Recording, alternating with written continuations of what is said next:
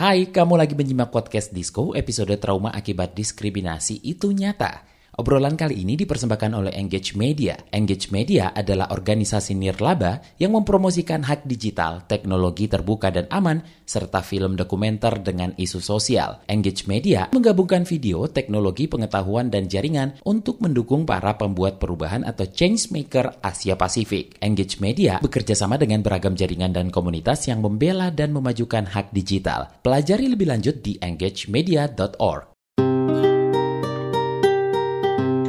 ada kejadian lagi yang correlate dengan isu tersebut, itu kemudian dia kayak shocking juga atau kemudian ada reaksi. Entah itu reaksinya itu kaget, biasanya reaksi tubuh atau reaksi yang bersifat refleks. Disko, diskusi psikologi.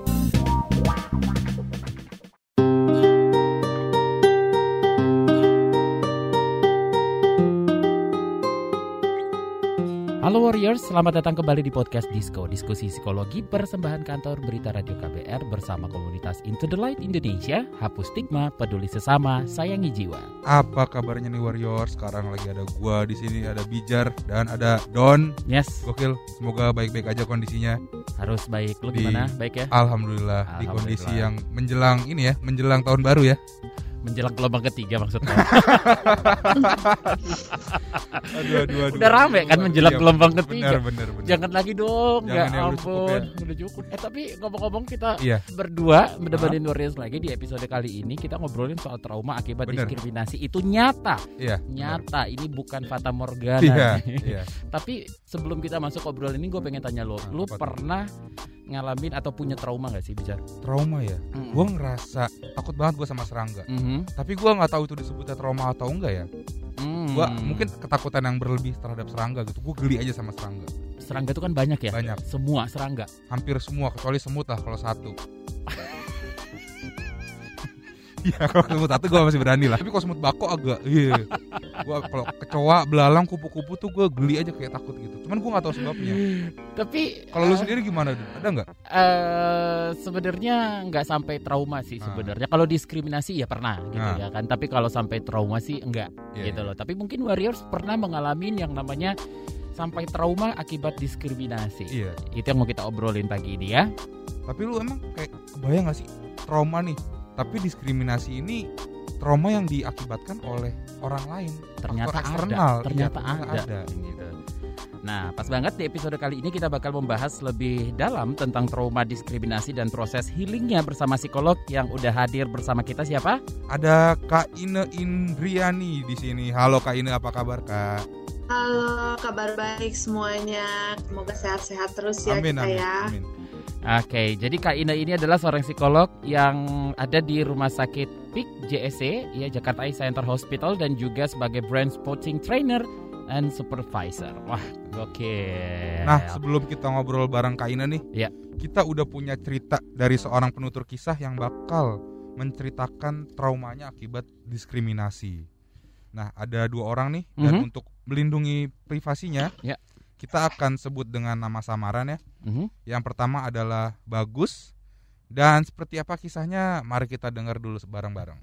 Jadi ceritanya waktu masih SD, waktu duduk di sekolah dasar, dipaksa untuk memilih salah satu agama yang ada, yang memang sudah tersedia. Saya memilih salah satu, namun itu bukan agama yang saya peluk, agama yang saya pelajari sehari-hari sama di rumah maupun di tempat ibadah. Tapi waktu itu gurunya juga welcome. Jadi oke nggak apa-apa. Jadi saya tetap mengikuti waktu pelajaran waktu hari-hari besarnya gitu.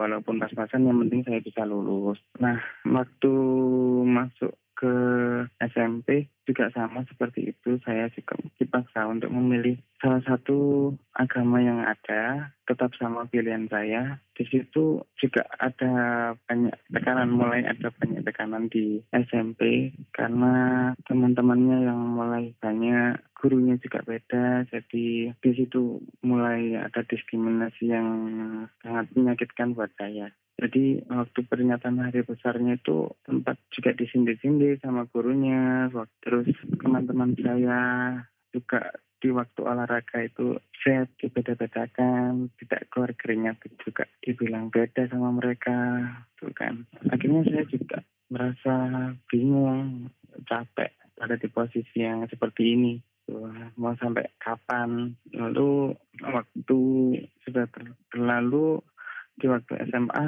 saya juga memilih salah satu agama, tapi saya memilih yang beda salah satu agama juga bukan yang saya perlu, bukan yang saya pelajari di rumah maupun di tempat ibadah. Dan itu juga sebenarnya nggak enak dan nggak nyaman karena harus harus mengikuti yang saya nggak tahu sama sekali. Jadi perilaku diskriminasi yang mempengaruhi saya itu kalau di sekolah dulu di waktu SMP ya paling menyakitkan buat saya itu jadi apa ya jadi takut buat mau melakukan apa pun waktu di sekolah waktu istirahat pun kayak nggak punya teman kayak nggak bisa makan apa-apa di sekolah. Jadi nggak fun gitu sekolahnya. Sangat sekolah juga malas stres juga. Apalagi di waktu ada pelajaran agama punya pikiran ini mau bolos atau enggak nanti kalau bolos dipanggil orang tuanya.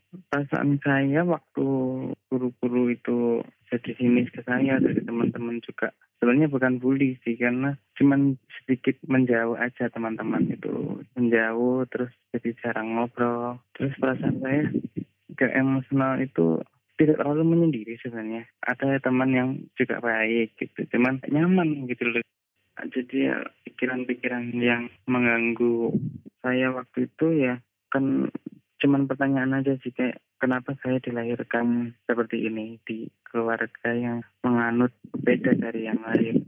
Sempat bertanya-tanya juga tentang itu bertanya ke diri sendiri sih gitu. Yang membuat saya sampai sekarang kuat itu yang pertama adalah keluarga. Kebanyakan semua keluarga saya rata-rata ya menganut apa yang saya anut juga. Terus uh, dari teman-teman saya yang sama itu itu saling saling bisa menguatkan juga. Keluarga dan teman-teman yang sama yang menguatkan saling menguatkan gitu. Ya harapannya di sosial media yang mengandung sarang atau mengujar kebencian itu jangan sampailah terus-terusan terus-terusan ada di sosial media. Kalau menanggapi sih pernah kayak komentar kayak di postingan terus saya komen kayak rip toleransi seperti gitu-gitu. Ada pernah. Karena yes, untuk sekarang kan media itu juga bisa diakses sama anak kecil juga gitu. Jadi jangan sampailah anak kecil-kecil itu juga mempunyai rasa intoleran ya terhadap agama-agama lain seperti itu kuat untuk di sosial media berbijaklah dalam memposting sesuatu. Kita harus memfilter apa yang mau kita posting apakah itu menyinggung orang lain atau enggak. Gitu. kita harus berpikir lebih gitu untuk mau memposting gitu dan lebih tidak menyinggung agama orang lain. Yang diperbanyak untuk diupload di sosial media sih. Contohnya kan banyak nih contohnya di Surabaya aja. Banyak sekali organisasi-organisasi lintas iman yang sering mengadakan doa bersama gitu dialog gitu. Seperti itu sih banyak kan gitu. Terus ada kunjungan dari remaja agama si A ke agama si B kayak seperti itu. Jadi saling mengenal gitu. Positif untuk toleransi agama. Nah itu tadi kisah dari Bagus, kini penuturan yang kedua adalah Indah seperti yang Bizar katakan iya, tadi kita juga nama samarkan sebenarnya. namanya untuk uh, privacy ya. Kita simak berikut ini. Aku ingin berbagi kisah dengan teman-teman di luar sana. Banyak orang yang mengatakan kalau keyakinan atau kepercayaan yang aku anut ini adalah minoritas. Begitu sih katanya, Kak. Jadi jadi minoritas yang mungkin aku pun pernah melalui hal-hal yang ya banyak tertindasnya sih. tertindas. Jadi mungkin di usia aku sekarang yang 24 tahun ini aku udah sedikit banyak sudah melalui banyak lika-liku dalam mempertahankan keyakinan aku ini. Sejak SD aku udah pernah mengalami yang namanya hinaan, kemudian dicerca berbagai macam pertanyaan tentang bagaimana cara ibadah kamu. Kemudian juga di satu titik aku menyaksikan bagaimana rumah dan satu kampung di desaku di sana itu diserang sama sekelompok orang. Yang mungkin ada seribu orang kali ya. Karena saat itu yang aku lihat tuh banyak banget orang. Ingat banget saat itu aku masih kelas 3 SD orang-orang berteriak berteriak-teriak mengeluarkan kata-kata yang kotor sambil menghancurkan rumahku, membakar tempat ibadah kami, membakar mobil dan suara gemuruh motor itu sangat-sangat masih aku ingat jelas gitu. Mungkin saat ini aku cerita kayak gini udah nggak nangis gitu ya. Tapi untuk mencapai itu ya menurut aku proses juga gitu. Rumah nenekku juga hancur, kemudian warung nenekku juga habis diambil-ambilin sama orang-orang yang menghancurkan itu. Dan ketika masuk SMP pun aku ngerasain kak gimana rasanya dibully karena keyakinan. Kemudian pernah juga ngerasain gimana ditunjuk-tunjuk sama orang kalau kamu itu nggak benar, kamu itu sesat, kamu itu orang yang tidak diakui Tuhan, kamu itu bla bla bla itu sangat-sangat pernah. Bahkan sampai masuk ke dunia kuliah pun aku bertemu dengan orang yang yang ternyata jauh di luar ekspektasiku. Aku kira ketika kita sudah semakin dewasa orang akan semakin toleran ternyata enggak juga kak aku punya teman nih berenam punya geng lah ya punya teman dekat ketika satu titik mereka tahu kalau aku penganut ajaran ini mereka langsung ngejauh yang tiga orang ini dan yang dua orang ini cuman bilang terserah apa yang kamu anut yang aku tahu kamu adalah kamu dan kita bisa berteman. Jadi sampai akhir akhir aku hanya berteman sama dua orang ini gitu. Dan gak sampai situ aja sih. Masuk ke dunia kerja pun aku kira ya kerja kerja aja aku kira gitu ya. Aku pernah bekerja di salah satu perusahaan global dan baru aja aku diterima kerja mungkin belum sebulan itu aku udah dipecat karena keyakinanku.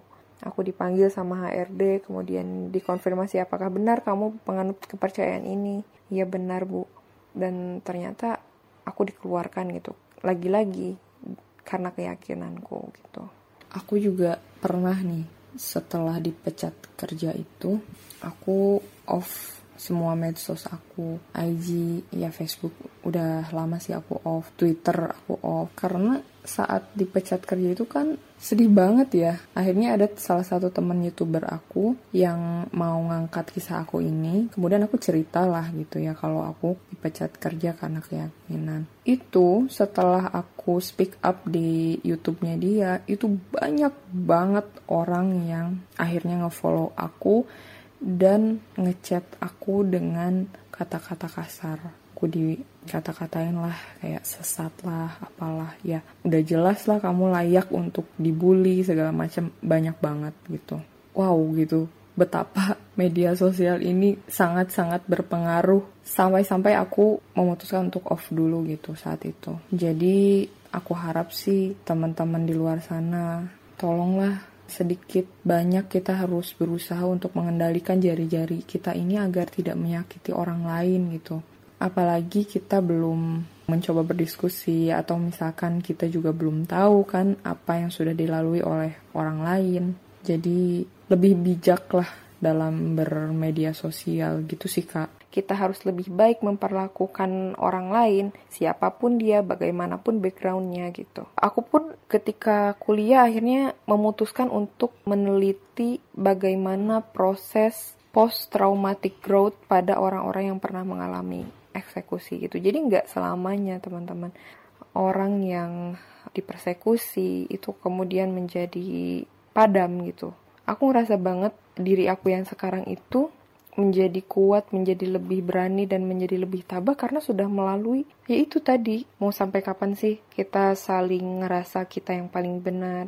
Mau sampai kapan sih kita ngerasa kalau orang lain itu paling salah, kita yang paling benar? kita semua sama kok di hadapan Tuhan.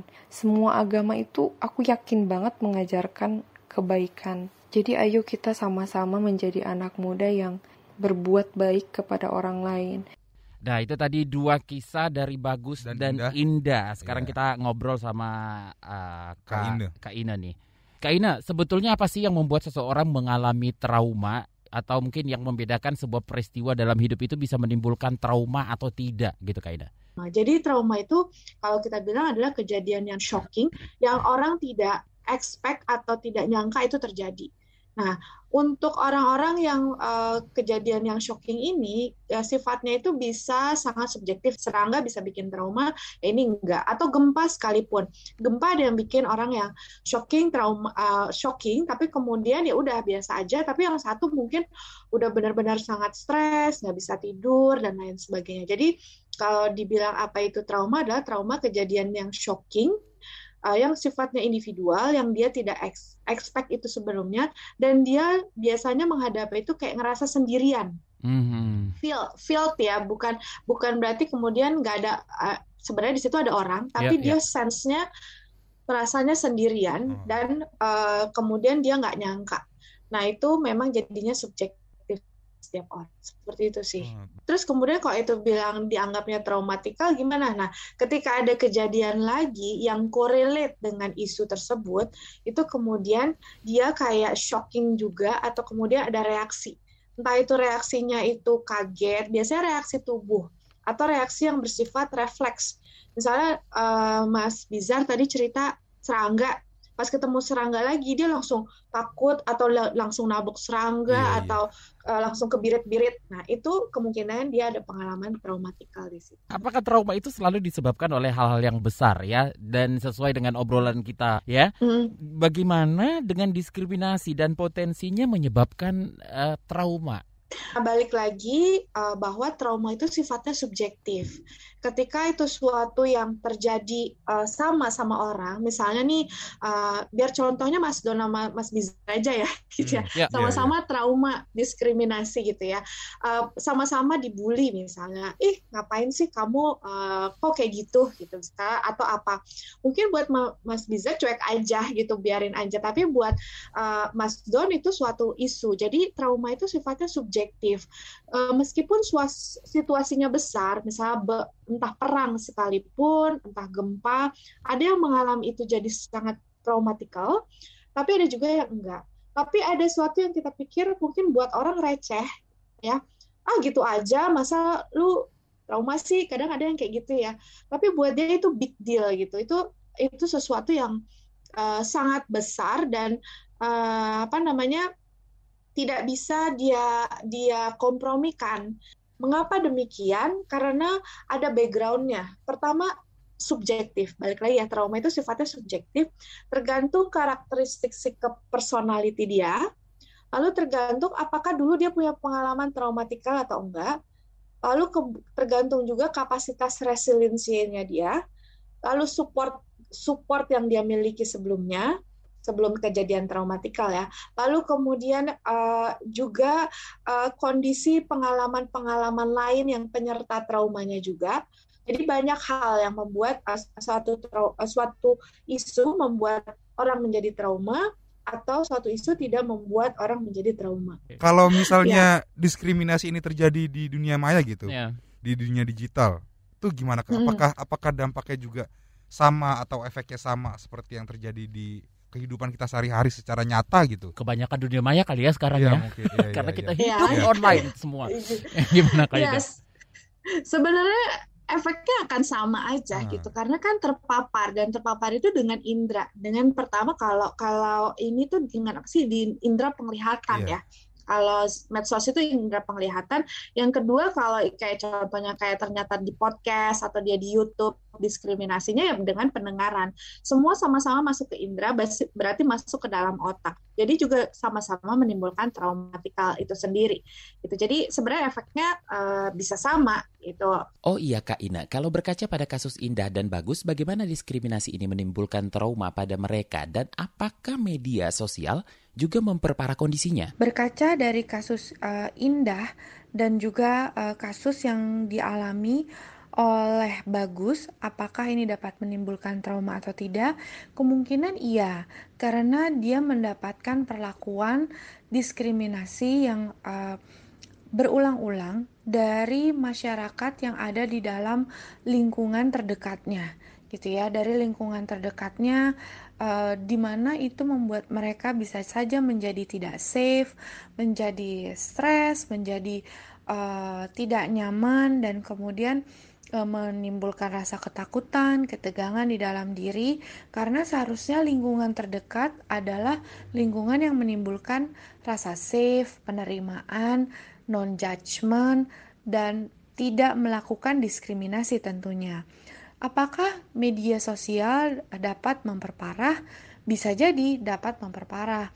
Apalagi kalau misalnya media sosial ini mengandung konten-konten kebencian, eh, kemudian diskriminasi, lalu kemudian langsung misalnya ada juga yang menunjuk orang tertentu yang langsung to the point walaupun tidak ada yang to the point langsung namanya ada juga yang uh, orangnya begini-begini loh di tempat saya begini. Nah, meskipun tidak langsung tapi itu dapat kena ke orang yang bersangkutan, maka itu dapat menimbulkan traumatikal sendiri apalagi kalau kejadian tersebut berulang dan dia tidak mendapatkan dukungan atau support system yang baik untuk membuat dirinya menjadi merasa safe sehingga ini akan tidak mudah dan dapat menimbulkan traumatik. Oke. Okay.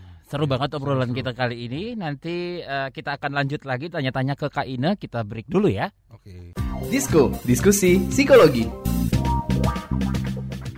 Oke Google, cariin apa yang lagi trending sekarang dong. Yang lagi viral, yang lagi hits. Aduh, kamu ini tahunya cuma nyur doang. Lah, dia nolak. Aku bilangin Siri nih.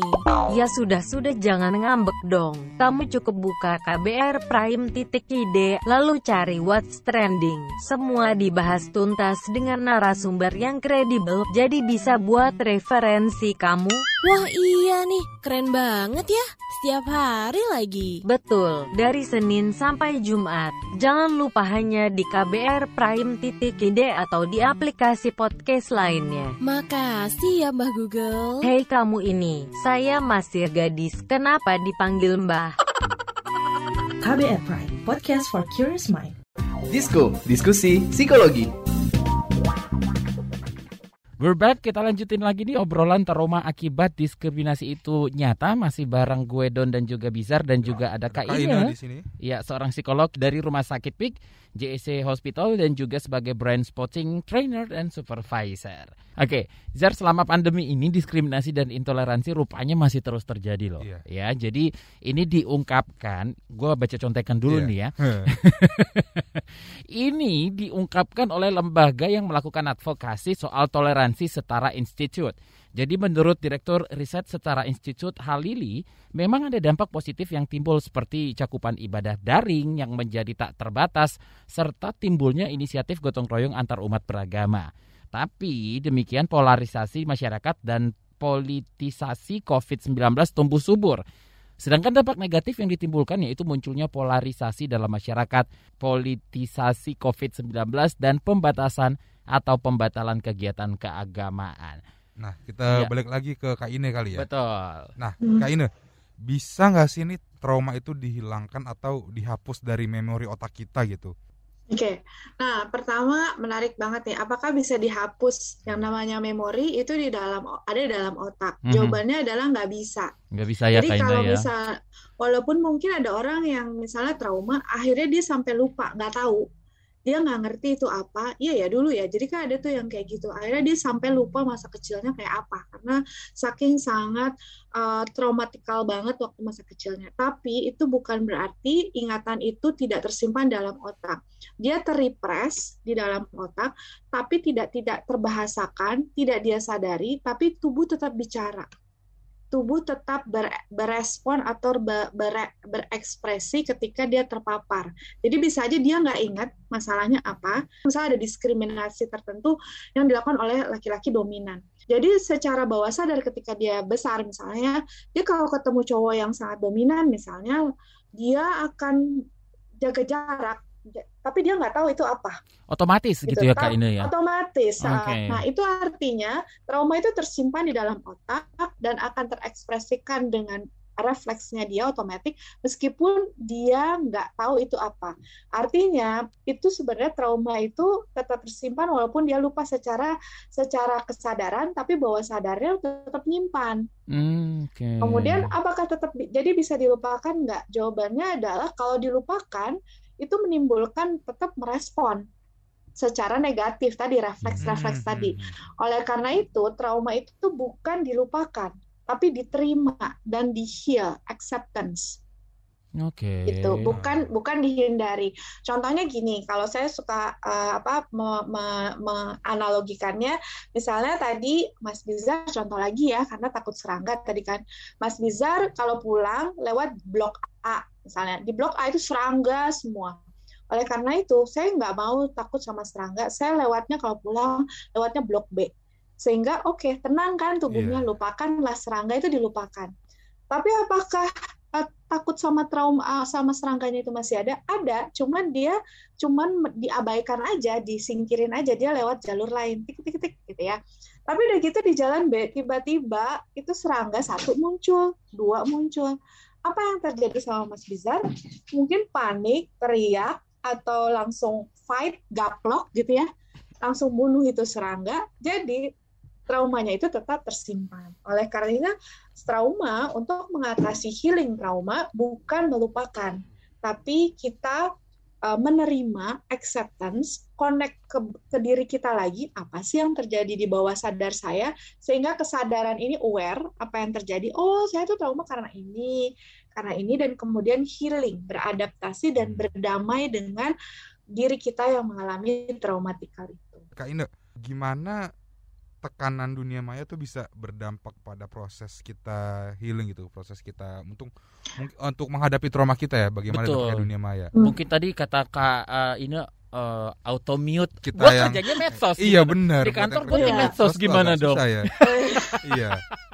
Gimana tuh kak? Oke okay, sebenarnya balik lagi diet tadi ya diet uh, diet uh, medsos berarti di mana kalau diet medsos itu berarti kita perlu ngecek nih mana kira-kira medsos yang berdampak positif dan mana nah. yang berdampak negatif gitu.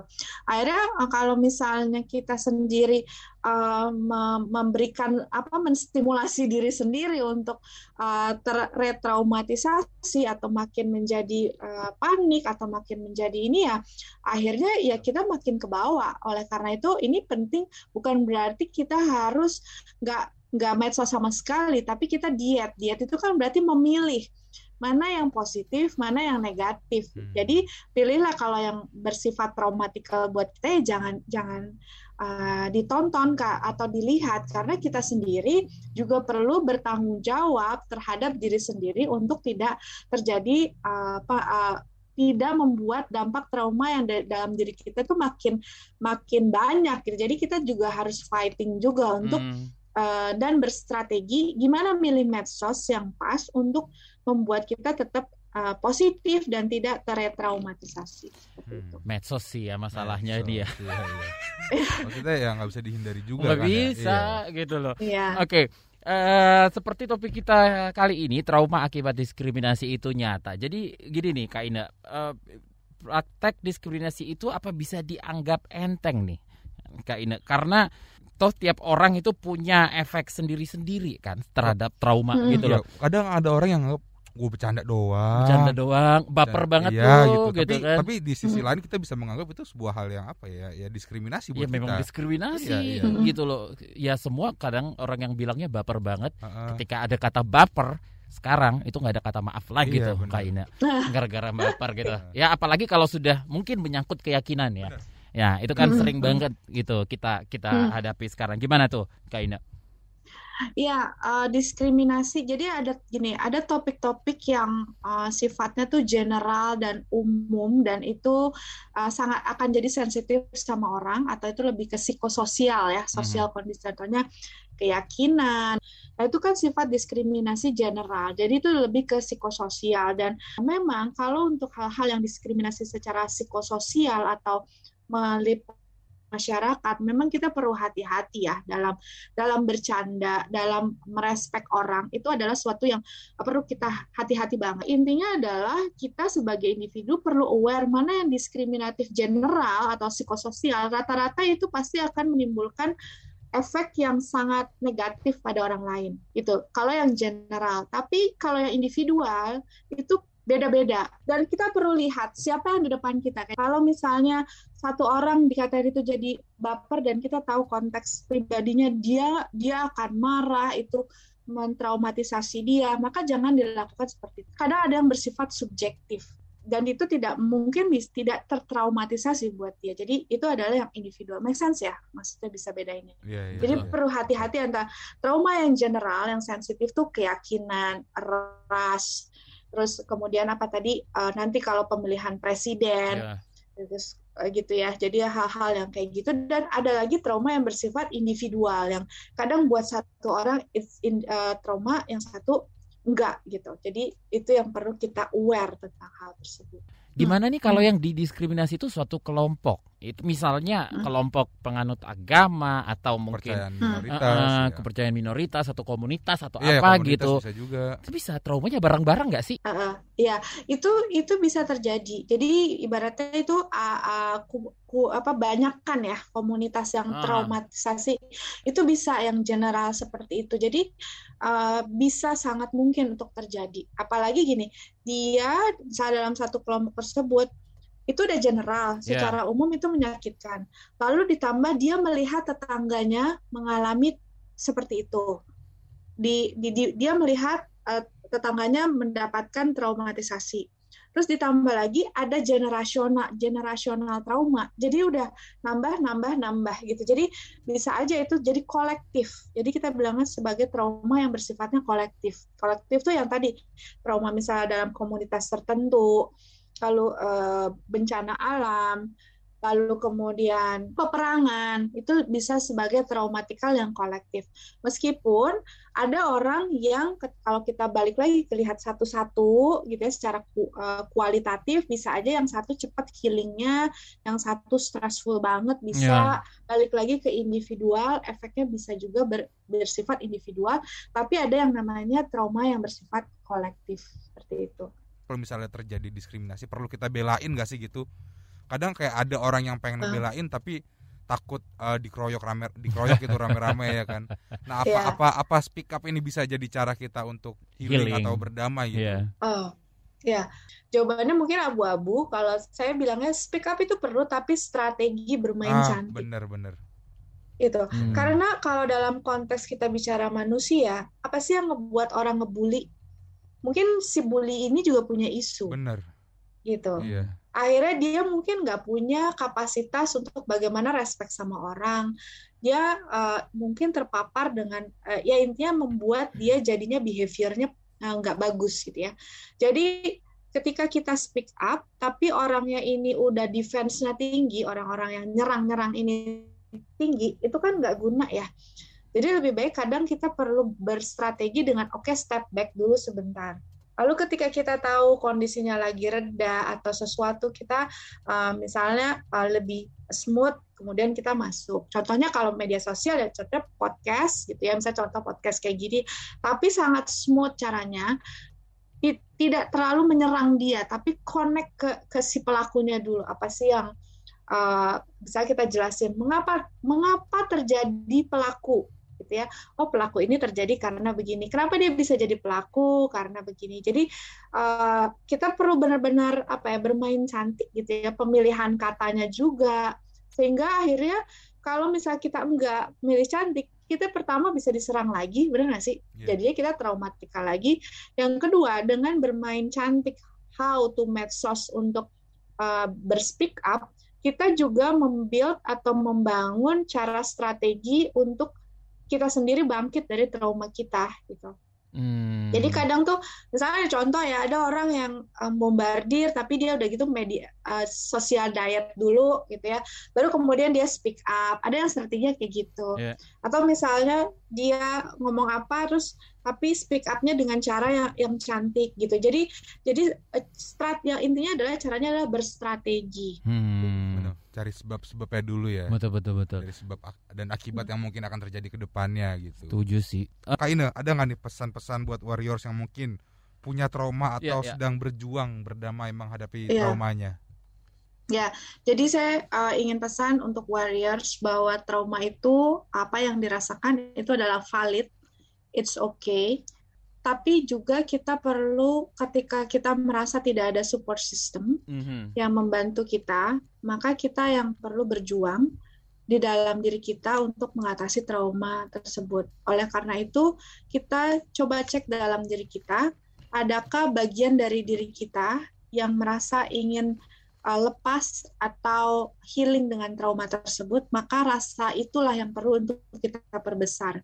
Dan uh, trauma itu wajar terjadi oleh setiap orang. Jadi uh, kalau misalnya butuh bantuan, tidak harus nunggu parah dulu, tapi juga bisa dengan cara di prevention. Jadi ke kalau ke psikolog atau ke profesional atau ke psikoterapis itu boleh untuk uh, untuk prevention.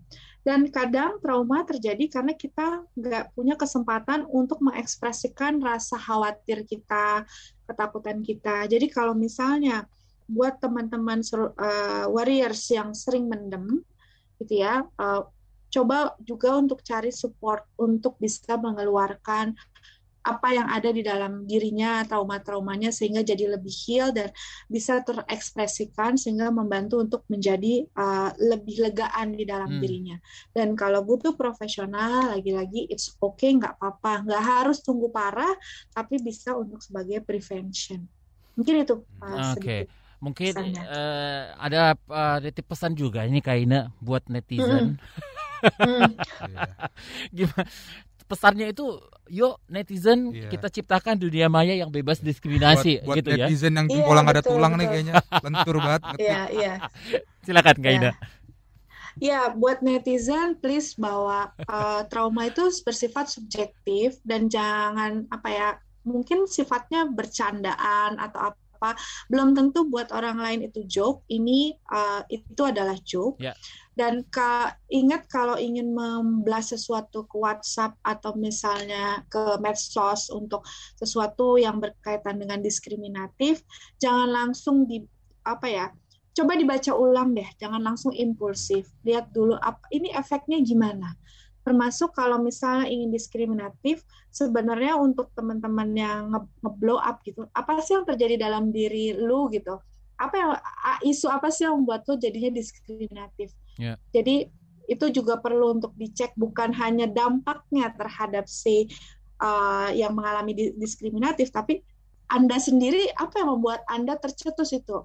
Adakah trauma tikal tertentu yang ada dalam diri Anda sehingga Anda ingin bersikap diskriminatif atau uh, apa yang membuat Anda jadi tidak bisa respect sama orang. Jadi intinya adalah please uh, jangan impulsif, uh, hargai orang lain, not react to your own reaction gitu. Jadi hati-hati dan keep respect sama orang. Itu mungkin. Oke, Warriors, sampai sini dulu podcast Disco kali ini. Terima kasih buat Kaina yang sudah bersedia untuk sharing pengetahuannya tentang trauma di episode kali ini. Episode kali ini didukung oleh Engage Media. Dan terima kasih juga buat kamu para warriors yang udah mau mendownload dan mendengarkan podcast ini.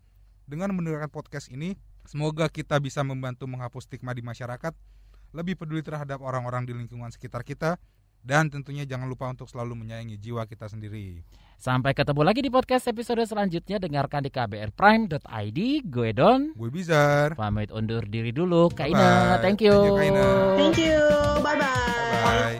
Disko, diskusi psikologi.